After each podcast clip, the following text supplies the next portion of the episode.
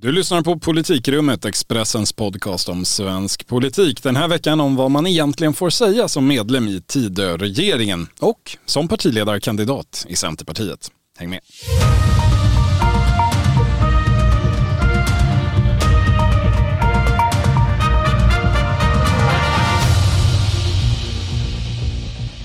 Det är tisdag den 22 november och Stockholm är insvept i snömodd. Delvis vit men mest en brun sörja som det heter nu för tiden. Jag heter Viktor Bartkron och har lyckats ta mig till studion tillsammans med dig, Thomas Nordenskjöld. Ja, hallå. Ja, men det var ju lite av en utmaning. Alltså mina kvarter brukar hamna sist i någon form av prioriteringsordning när det ska plogas. Vanligtvis brukar snön hinna smälta innan de är där. Jag själv hade ett träd liggande över gångvägen in på gården. Det är ett hårt liv även i Stockholms innerstad i dessa dagar. Som ni hör. Men det om detta. Snöröjning är trots allt lokalpolitik och det här är en rikspolitisk podcast. Just så. Och det är onekligen också drag i den i dessa dagar. Så här, vi skulle ju egentligen inte ha pratat så mycket om Liberalerna i förra veckans avsnitt. Men så kom den nya luffordföranden Erik Berg med sina vilda partiledningsattacker och så ja, så blev det mer eller mindre hela avsnittet den gången. Och den här veckan skulle vi egentligen inte prata alls om Liberalerna. Men de envisas med att klamra sig fast överst på nyhetsagendan. Ja, det tar aldrig slut. Eh, till vår glädje kanske man ska säga det är ändå lite av ett favoritämne, Liberalerna. Ja, vi ska faktiskt påpeka att vi brukade prata om Liberalerna långt innan det blev hett i mainstream-fåran. Verkligen. Mm. För fem år sedan, då fanns inte den här podden, men vi fanns ju.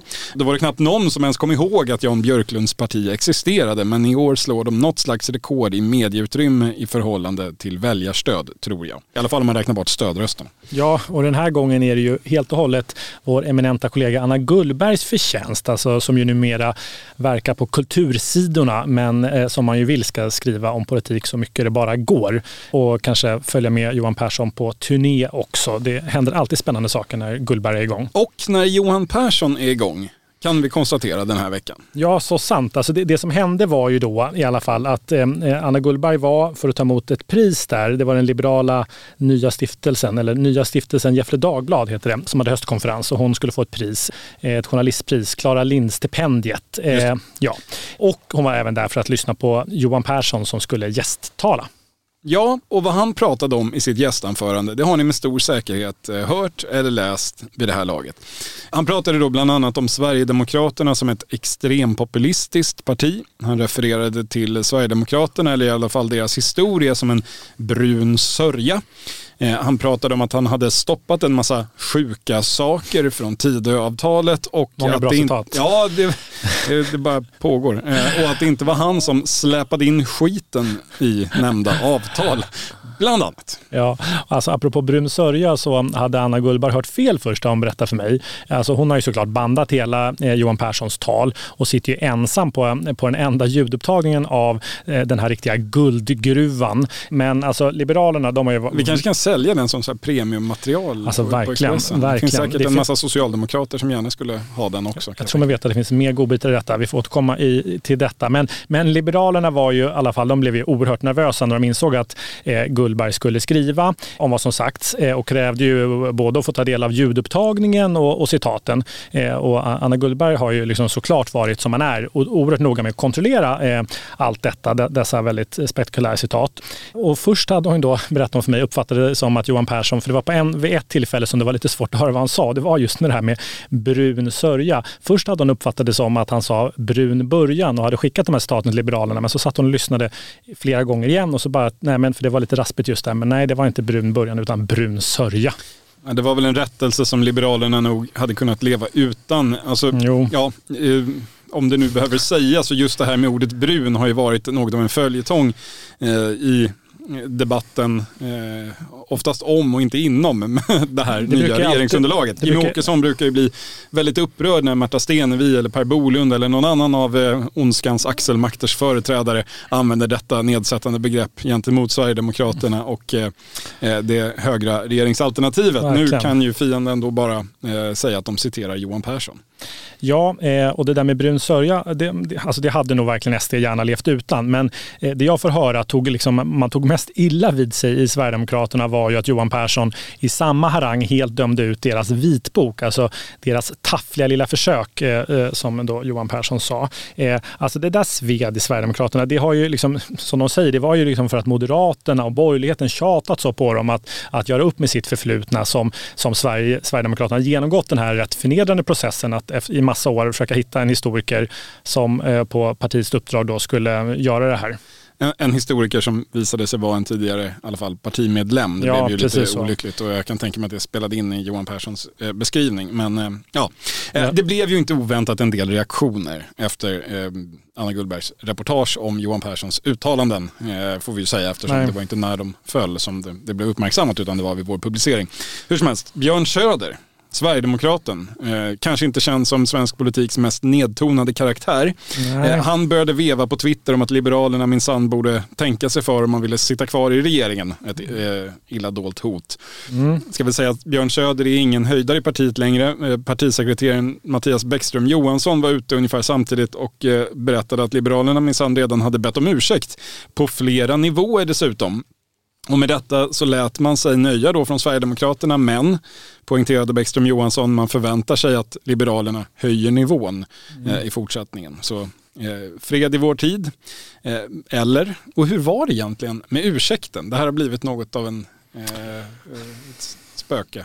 Ja. Har den hänt? Var är den? Ja, alltså Johan Persson har ju då inte bekräftat att han skulle ha bett om ursäkt. Eh, så att Aftonbladet har eh, rapporterat om ett sms som Johan Persson ska skicka till Jimmy Åkesson. Och det, eh, han har säkert hört av sig. Det eh, antyder Sverigedemokrater jag har pratat med också. Eh, men alltså det jag fått höra är ju att Liberalerna haft, alltså de har haft panik efter att det stod klart att Anna Gullberg eh, satt på den här lilla skatten och då skulle skriva ett reportage utifrån den. Alltså, det har ju på förhand redan innan den här publiceringen hört av sig på massa olika nivåer till Sverigedemokraterna och bett om ursäkt. Alltså det har varit, alltså de har varit så ledsna och pudlat så mycket till Sverigedemokraterna att, eh, att Sverigedemokraterna varför har nästan drog en suck av lättnad när artikeln väl kom. Alltså de hade ju trott utifrån då Liberalernas totala panik att det skulle vara, eh, att det skulle vara ännu värre. Vad nu värre är än brun sörja och extrempopulism och allt vad det Jag var. vet inte, Johan Persson kunde kanske ha hånat Mattias Karlssons nationalromantiska kulturförening eller sagt att Jimmy Åkessons band Bedårande barn gör jättedålig musik eller något sånt. Men det gjorde han ju faktiskt inte utan det var ju mer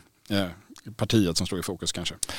Just så, men alltså en omständighet som jag tycker att det finns anledning att stanna upp vid här är ändå är ju att Johan Persson faktiskt visste att Anna Gullberg var där. För så var det, alltså tvärt vad alla utgått från eh, så kan vi i denna podd avslöja att Johan Persson var väl medveten om att Anna Gullberg satt där i publiken och lyssnade. De hade hälsat på varandra och Johan Persson hade berömt Anna för att eh, hon skrev så bra reportage. Alltså, sedan satte sig då Anna Gullberg där eh, och Johan började kalla SD för brun sörja och, och, och, allt vad det var. Och det, det gör ju ändå det hela lite märkligare tycker jag faktiskt faktiskt. Ja, man kan ju tycka det, men alltså, på något sätt eh, tror jag faktiskt ändå inte att Johan Persson tänkte att det skulle komma ut, i alla fall inte på det sättet. Alltså, eh, han känns ju som en person som lever och verkar i stunden, jo. på gott och ont. Och stunden i det här fallet var en eh, bygdegård i Gästrikland och inte en tv-studio. Eh, jag ber om ursäkt för denna amatörpsykologisering men, men det, det, det är vad jag tror, ja. den känsla jag får.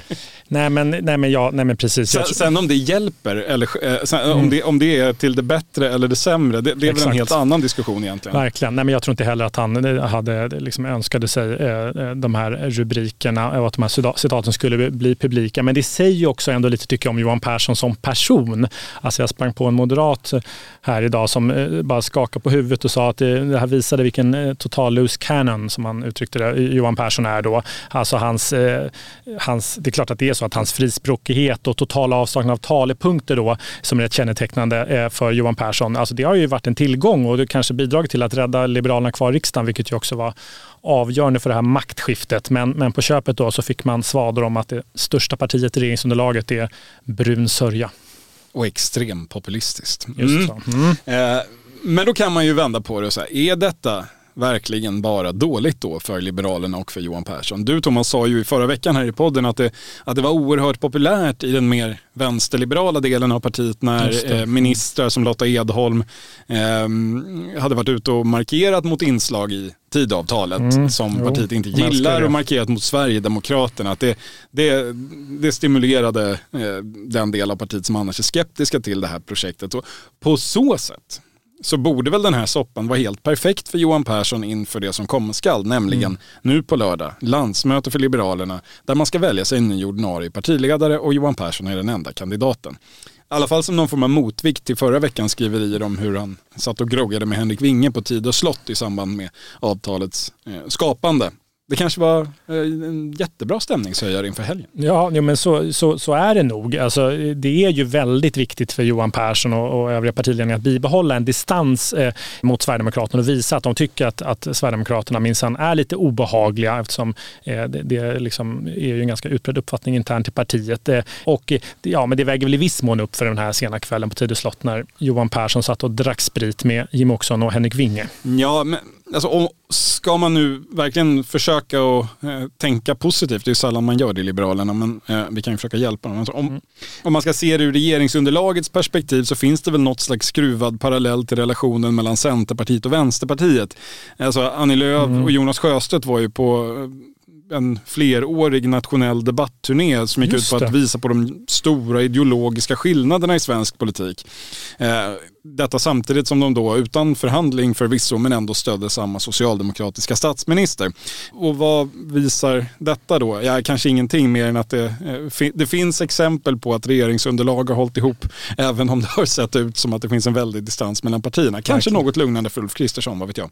Ja, nej men så är det ju verkligen och jag tror att den här konflikten mellan Sverigedemokraterna och Liberalerna eh, som ju ändå är tydlig i det här eh, samarbetsprojektet, alltså i ett bredare perspektiv är den bra för högerblocket. Alltså den behövs alltså för både Sverigedemokraterna och Liberalerna. Alltså blir de för överens så kommer det bli problem i de egna partierna. Eh, tror jag. Alltså splittringen internt skulle öka i både Sverigedemokraterna och Liberalerna och de skulle sannolikt också få större problem med sina väljarbaser som ju är eh, skeptiska mot, mot, mot de respektive partierna här då. Men att dra det så långt som att säga att Johan Perssons svada här på, i det här talet är bra för högerprojektet. Nej, alltså det tror jag ändå inte. Alltså oppositionen kan nog vara rätt nöjda tror jag med den här fadäsen. Ja, och det ska väl ärligt talat sägas att eh, den dysfunktionella relationen mellan Centerpartiet och Vänsterpartiet var väl ingen långsiktig höjdare för det rödgröna underlaget heller. Nej. Det är ett knepigt läge i svensk politik och det fortsätter att vara. Och vi ska ju konstatera att eh, Perssons svada och reaktionerna på det, det har gett eko utanför Liberalerna,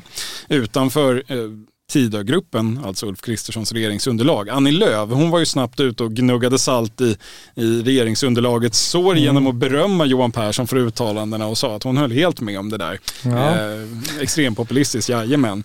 Det förstår man ju att hon glatt gjorde. Och Socialdemokraternas Magdalena Andersson, hon passade ju i vanlig ordning på att påminna alla liberaler om att hennes dörr för samarbete minsann står öppen trots eh, det här olyckliga felsteget som Liberalerna har tagit nu. Fint av Socialdemokraterna. Detta värnande av landets stackars socialliberaler är ju rörande. Det är det alltid. Men eh, om vi ska vara lite seriösa på det ämnet. Alltså, givetvis säger Magdalena Andersson så här. Det vore tjänstefel av henne som oppositionsledare att inte försöka elda under en så destruktiv brasa i motståndarlaget. Men mm. hon tror ju inte på det här på riktigt, vill jag mena. Alltså ibland när man lyssnar på ledarskribenter, andra i kommentariatet, så låter det som att ett, det är ett möjligt alternativ att Liberalerna helt enkelt byter sida och börjar stötta en socialdemokratisk regering istället. De har bytt sida förr.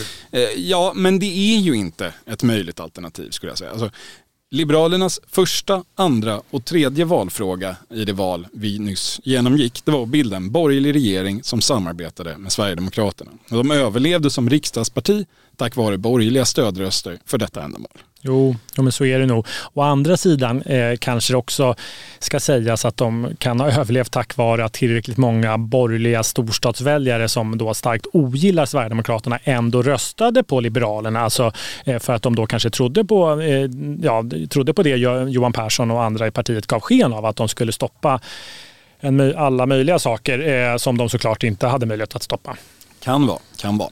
Men ändå. Alltså, en sån regering som man gick till val på, den har nu bildats med ungefär den politik som man kunde räkna ut på förhand givet de ingående partierna och deras storlek. Om sen en, enskilda liberaler gav, gav uttryck för något mm. annat eller gav intryck av det eh, så är det väl deras problem kanske. För alltså, om Liberalerna i det här läget plötsligt bytte fot utan att något särskilt har hänt mer än att man har kommit på att man ogillar Sverigedemokraterna och deras mm. politik mer än vad man gjorde för två månader sedan och istället rösta fram en helt annan regering baserad på Socialdemokraterna, Vänsterpartiet, Centerpartiet och Miljöpartiet. För det är ju det det i så fall skulle handla om. Som är faktiskt väldigt få driver också. Alltså det är ju inte så många nej, det, Liberalerna som Nej, egentligen... det kan ju sägas också. Ja. Och det finns ju skäl till det. För det skulle ju mm. leda till ett slags demokratisk legitimitetskris som inte alls kan jämföras med 2018-2019 när januariavtalet Just nu pågår vår stora season sale med fantastiska priser på möbler och inredning. Passa på att fynda till hemmets alla rum, inne som ute, senast den 6 maj. Gör dig redo för sommar. Välkommen till Mio. Hej, Synoptik här. Visste du att solens UV-strålar kan vara skadliga och åldra dina ögon i förtid? Kom in till oss så hjälper vi dig att hitta rätt solglasögon som skyddar dina ögon. Välkommen till Synoptik formades. För då hade ju alla de borgerliga partierna gått till val på en omöjlig sak. Mm. En alliansregering som inte samarbetade med Sverigedemokraterna. Och frågan var ju då bara vilken eh, av de andra sakerna det skulle bli som de inte hade gått till val på. Om det var att samarbeta med Sverigedemokraterna eller att samarbeta med Socialdemokraterna och då ja. valde man det ena. Det här är ju en helt annat sak, ett helt annat läge och det här vet Johan Persson, det vet hans interna kritiker som du just var inne på. Mm. Eh, och det vet ju också Magdalena Andersson. Ska Liberalerna börja samarbeta med Socialdemokraterna igen? Och det mm. kan naturligtvis hända. Framtiden är lång och Liberalerna är Liberalerna. Men då skulle det ju krävas ett val emellan. Minst ett. Och så faller Tidöprojektet så är det ju också extraval som är det naturliga alternativet och inte en annan regering byggd på samma riksdagsunderlag. Eh, att Liberalerna skulle medverka till det scenariot aktivt med tämligen säker undergång för egen del som följd. Mm. Det vore ändå en oerhörd högoddsare kan jag tycka. Även om det är Liberalerna som vi pratar om. Det man också tycker jag bör säga här eh, det är ju att det, liksom, eh, det finns ju en rätt liksom, naturlig förklaring till att Sverigedemokraterna trots allt var så pass överseende med Johan Perssons eh, fräna språkbruk. För det var de ju faktiskt. De lät ju det här passera. De hade ju kunnat agera väldigt mycket mer kraftfullt och ställa till än mycket mer rabalder kring det här och krävt, förnedrat honom än mer och krävt massa offentliga ursäkter och så. Nu lät de honom skicka något sms som han inte ens behövde bekräfta. Men, men och, det, och, det, som då gör ändå att Sverigedemokraterna liksom låter lät det passera är ju att Sverigedemokraterna, det tycker man, det är tydligt när man pratar runt partiet, de är väldigt peppade på att för första gången börja genomföra politik som de gått till val på och drivit under väldigt lång tid. Ja, det är de ju inte bortskämda med efter, vad är det, 35 år, 34 år de har funnits nu och varav 12 i riksdagen mm. och nu har de inflytandet inom väldigt nära räckhåll. Och det börjar hända saker. Ja, alltså samarbetet är på väg in i nästa fas kan man väl säga. Alltså, eh, den här första månaden efter valet och efter att liksom, regeringen kom på plats och tidavtalet presenterades, det har ju mycket handlat om att lära sig hitta i lokalerna och få hela den här samarbetsstrukturen på plats med samordningskanslier och allt vad det är och rekrytera en massa folk. Eh, det där har tagit lite tid. Men förra veckan då så skapades de här så kallade Tidögrupperna i regeringskansliet. Eh, det kommer att vara totalt sex grupper, en för varje sånt här samarbetsprojekt. Det blir ju lite spännande då att se vem som får ansvaret för de så kallade övriga frågorna. Som ju var ett väldigt spretigt projektområde i Tidöavtalet. Allt från grundlagsskydd av abort till att göra elitserien i hockey bättre. Ja, verkligen. Det, där, det var väl djurrätt fanns med där också, arvsrätt och allt möjligt. Mm. Allt som inte fick plats någon annanstans men som hade en tillskyndare där runt groggbordet på Tidö slott. Verkligen. Eh, men, ja, men de här grupperna då, Tidögrupperna eh, kallas de ju tror jag. De eh, ska bestå av upp till 14-15 politiska tjänstemän i vissa fall. Det tror jag varierar lite. Och så kommer de ledas då av statssekreterare och även Sverigedemokraterna kommer såklart ha tjänstemän i de här grupperna. Och, och det blir ju då så att ja, men gruppen som har lag och ordning leds ju då med all sannolikhet av Gunnar Strömmer statssekreterare. Men så kommer det även då vara med någon annan statssekreterare från något annat departement för att undvika någon form av stuprörstänkande där får jag, Eh, får jag höra. Och så kommer man ha då massa tjänstemän, både politiska och opolitiska eh, och folk från samordningskansliet kommer eh, vara med där också. Och de här grupperna, alltså, de blir ju oerhört centrala i regeringskansliet. Det kommer vara lite av en liksom, huvudpulsåder i regeringens arbete är det tänkt.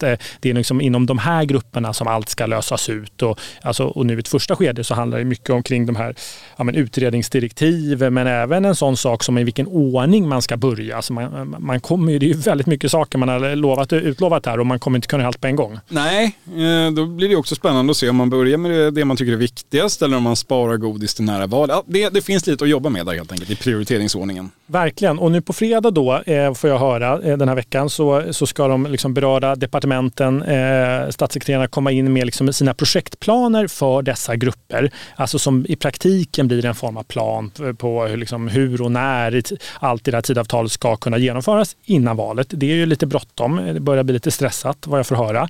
Eh, eh och eh, om det här blir det ju liksom förhandlingar såklart. Det kommer att vara löpande förhandlingar under hela tiden men nu ska man liksom sätta sig redan på fredag och förhandla om det, vad man ska börja med. Och, och det här är ju liksom väldigt viktigt för Sverigedemokraterna. Så regeringen, de tre regeringspartierna, där ju SD inte ingår, de kommer ju liksom ha en massa annat att göra också. De ska ta in Sverige i NATO och hantera massa kriser och löpande saker. Men för Sverigedemokraterna är ju det här allt. Det är liksom genom de här projektgrupperna eh, som deras politiska avtryck ska bli verklighet. Och då kanske man kan eh gå tillbaka till det vi pratade om förut och, och konstatera att det kanske snarare är här som det mm. finns risk för allvarliga problem i Tidösamarbetet, om det nu blir problem. Eh, snarare än för att någon har sagt en dum sak om någon annan på en bygdegård i Gästrikland.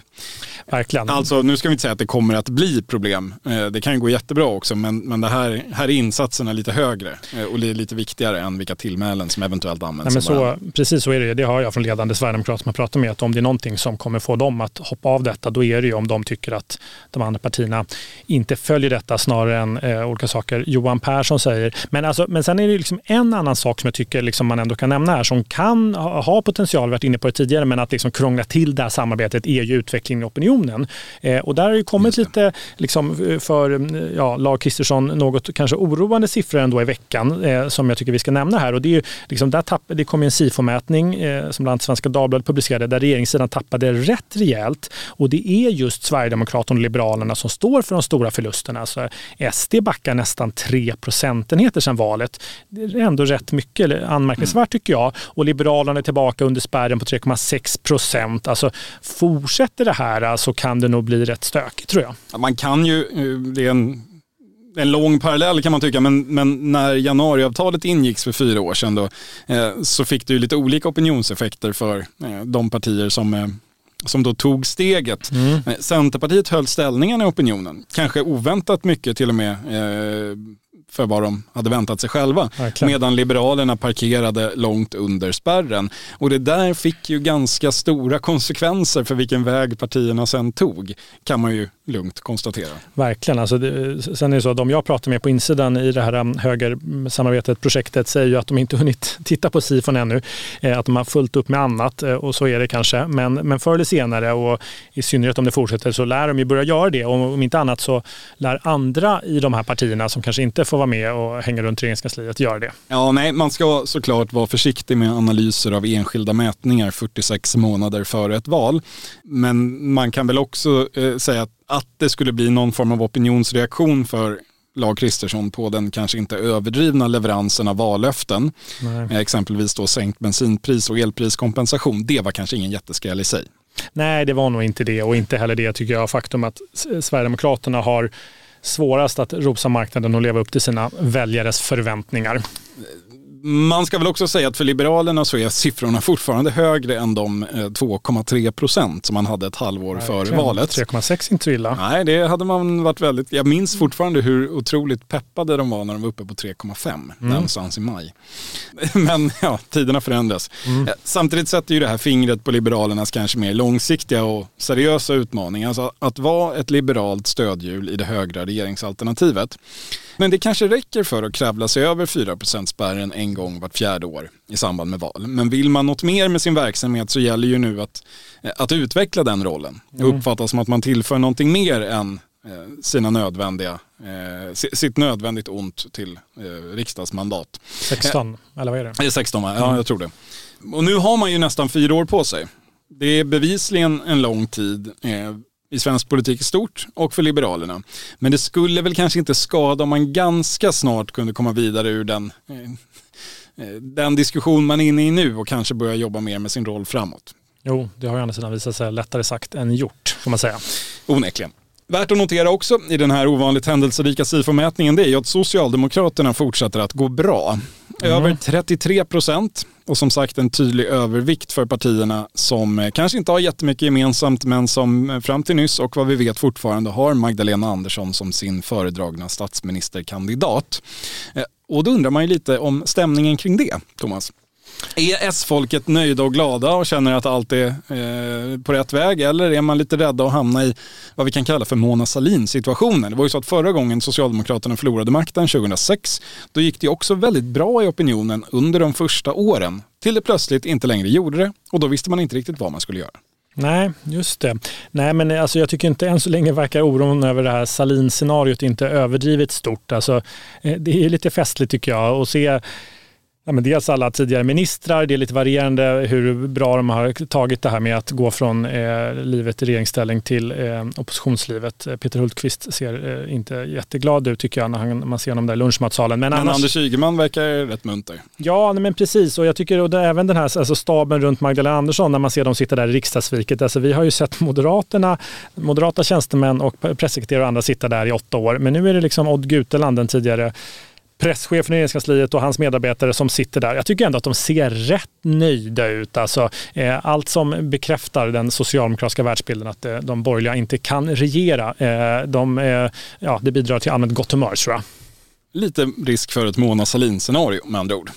Ja, men det kan nog både hinna svänga upp och ner tänker jag. Eh, flera gånger om kanske innan det är dags för väljarna att säga sitt igen. Så kan det vara, så lär det bli. Eh, vi ska snart låta er lyssnare övergå till andra saker i tillvaron, i den mån eh, ni vill det, annars kan ni ju lyssna på gamla avsnitt. Men vi har en sak kvar som vi måste avhandla den här veckan innan vi lämnar er. Politikrummet är ju en podd som till skillnad från regeringen alltid håller vad vi lovar. Och vi har ju lovat er att följa Centerpartiets partiledarkamp i varje avsnitt fram till dess att en ny närodlad påve är vald. Oavsett om det har hänt någonting i processen. Men den här veckan Thomas, så har det ju faktiskt gjort det. Hänt någonting alltså. Ja, alltså favorittippade får man säga att han ändå är Daniel Bäckström, eh, riksdagsledamot och gruppledare är han väl nu också sedan valet. Han eh, fick ju en fråga under de här eh, utfrågningarna som då är. Det var en utfrågning nu i veckan igen med de här tre kandidaterna.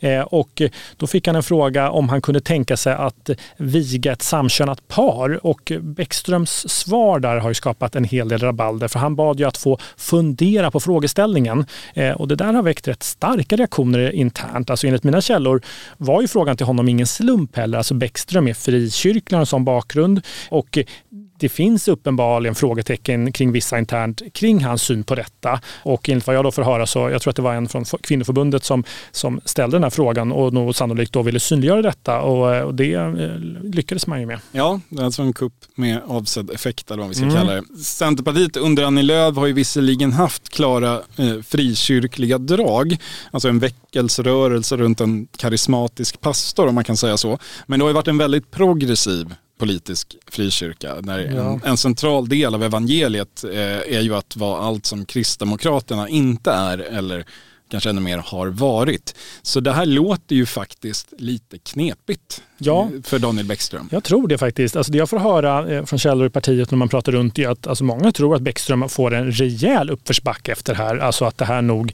att den nog kan vara så brant att han rent av kan ha bränt sina chanser här. Alltså, eh, om det verkligen är så ska jag låta vara osagt. Men, men, men det är verkligen intressant om det stämmer. Det öppnar ju verkligen upp det här eh, för de två andra kandidaterna då Elisabeth Thand Ringqvist eh, och Muharrem Demirok som ju inte alls tvekade när de fick, också då fick frågor om giftermål.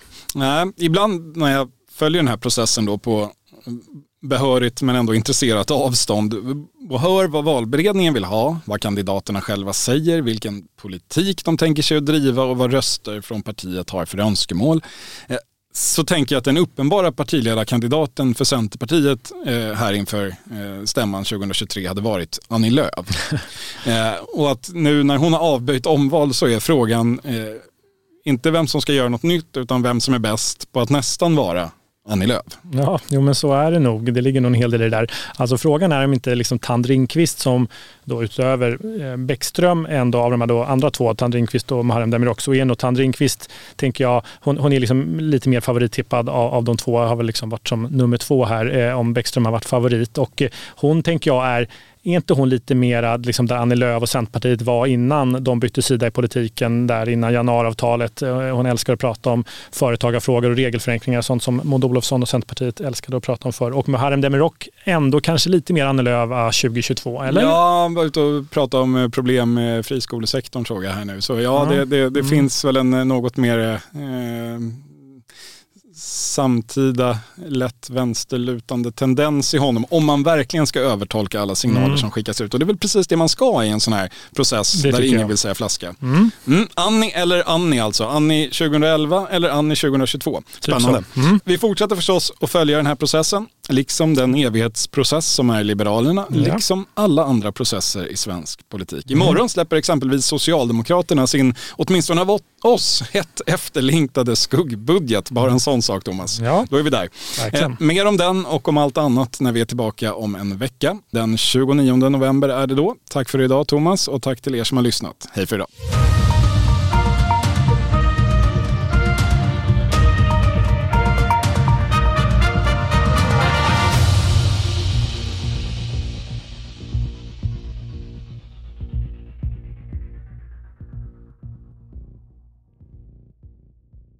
Du har lyssnat på en podcast från Expressen. Ansvarig utgivare Klas Granström. CSRD, ännu en förkortning som väcker känslor hos företagare. Men lugn, våra rådgivare här på PWC har koll på det som din verksamhet berörs av. Från hållbarhetslösningar och nya regelverk till affärsutveckling och ansvarsfulla AI-strategier. Välkommen till PWC.